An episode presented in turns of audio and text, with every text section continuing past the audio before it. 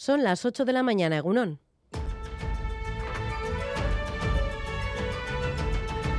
Crónica de Euskadi con Irache Martínez.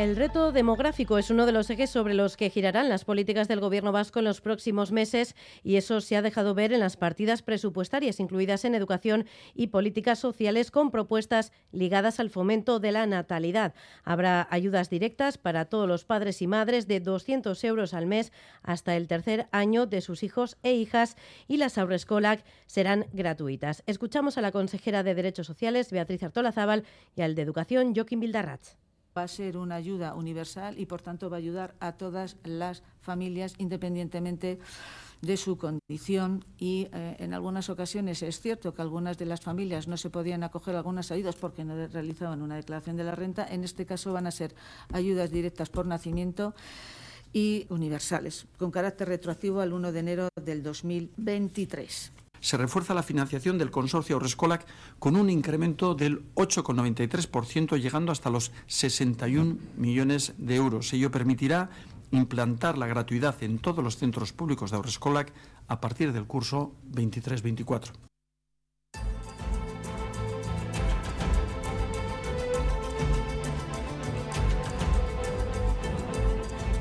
Mientras tanto, en Navarra, el gobierno de María Chivite aprobará sus cuartos presupuestos de la legislatura nuevamente con la abstención de EH Bildu este viernes. Cerraban un acuerdo que garantiza la aprobación de las cuentas con muestras de buena sintonía. El pacto contempla una reforma fiscal que beneficiará a las rentas más bajas con deducciones y se aumentará el gravamen para rentas del capital superiores a 200.000 euros. Escuchamos a Elma Saiz, consejera de Economía y Hacienda de Navarra, y a Laura Aznal, candidata de EH Bildu al Parlamento de Navarra anoche en Gambara una valoración positiva. Quiero desde aquí también agradecer esa voluntad. Cuando se llega a un acuerdo, pues el trabajo de las partes negociadoras es importantísimo, buscando lo que nos une, las prioridades, poniendo en el centro a las personas y desde luego es una buena noticia para la ciudadanía. Más allá de las cuantías económicas en las que hemos influido en el, en el proyecto en sí de presupuestos, también nos gustaría incidir en los compromisos que hemos podido alcanzar con el Gobierno de Navarra en todos los ámbitos. Por lo tanto, queremos hacer un balance positivo en términos generales.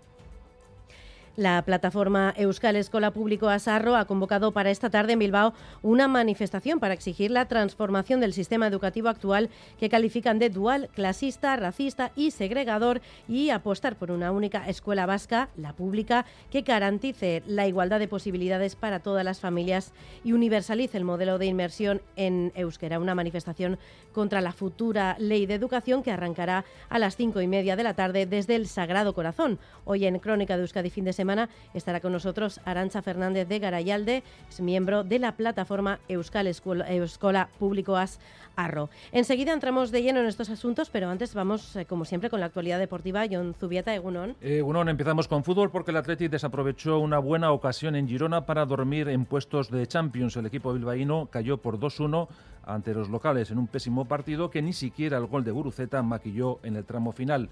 Por otro lado, Osasuna tiene la oportunidad esta tarde de llegar a los 23 puntos. Para eso tiene que imponerse en Balaidos a un Celta que ha cambiado de entrenador. En segunda división, el Alavés está de dulce. Se sitúa como líder en solitario con 30 puntos después de ganar por 1-0 al Zaragoza en Mendizorroza. El triunfo tiene más mérito debido a la expulsión de Benavidez en la primera parte. Además, en la Liga F, la Real Sociedad recibe al Madrid Club de Fútbol y el Athletic se enfrenta al Valencia en la ciudad de Turia. Y en balonmano, el Vidasoa de Irún ganó por 19-28 al Cisne y se coloca segundo en la tabla. Por último, Ezcurdia y Pello Echeverría se miden hoy en una de las semifinales del 4 y medio y en la de promoción Salaverría doblegó en Amorebieta a Expósito por 22-16. Eguiguren le espera en la final que se jugará en el frontón Labrit. Es casco John y es hora de repasar también el pronóstico del tiempo. Euskalmet, Nayera Barredo, Egunon. Egunon, hoy tenemos por delante una jornada con tiempo estable y seco. El cielo estará prácticamente despejado, solo veremos algunas nubes altas por la tarde, aunque eso sí, durante la mañana las nieblas estarán presentes en algunas zonas del interior. Puede que incluso localmente no desaparezcan hasta el mediodía. En el este de Guipúzcoa también tenemos algunas nubes, pero irán a menos y predominará el ambiente soleado en todas las zonas. Gracias a ello, hoy esperamos un ascenso de las temperaturas máximas, que se moverán entre los 17 y los 18 grados. Las primeras y últimas horas de la jornada, sin embargo, serán frías. Por lo tanto, hoy lucirá el sol, aunque tendremos nieblas durante la mañana en algunos puntos y las temperaturas máximas se recuperarán.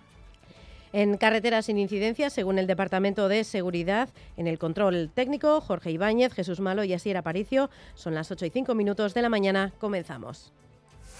Crónica de Euskadi con Irache Martínez.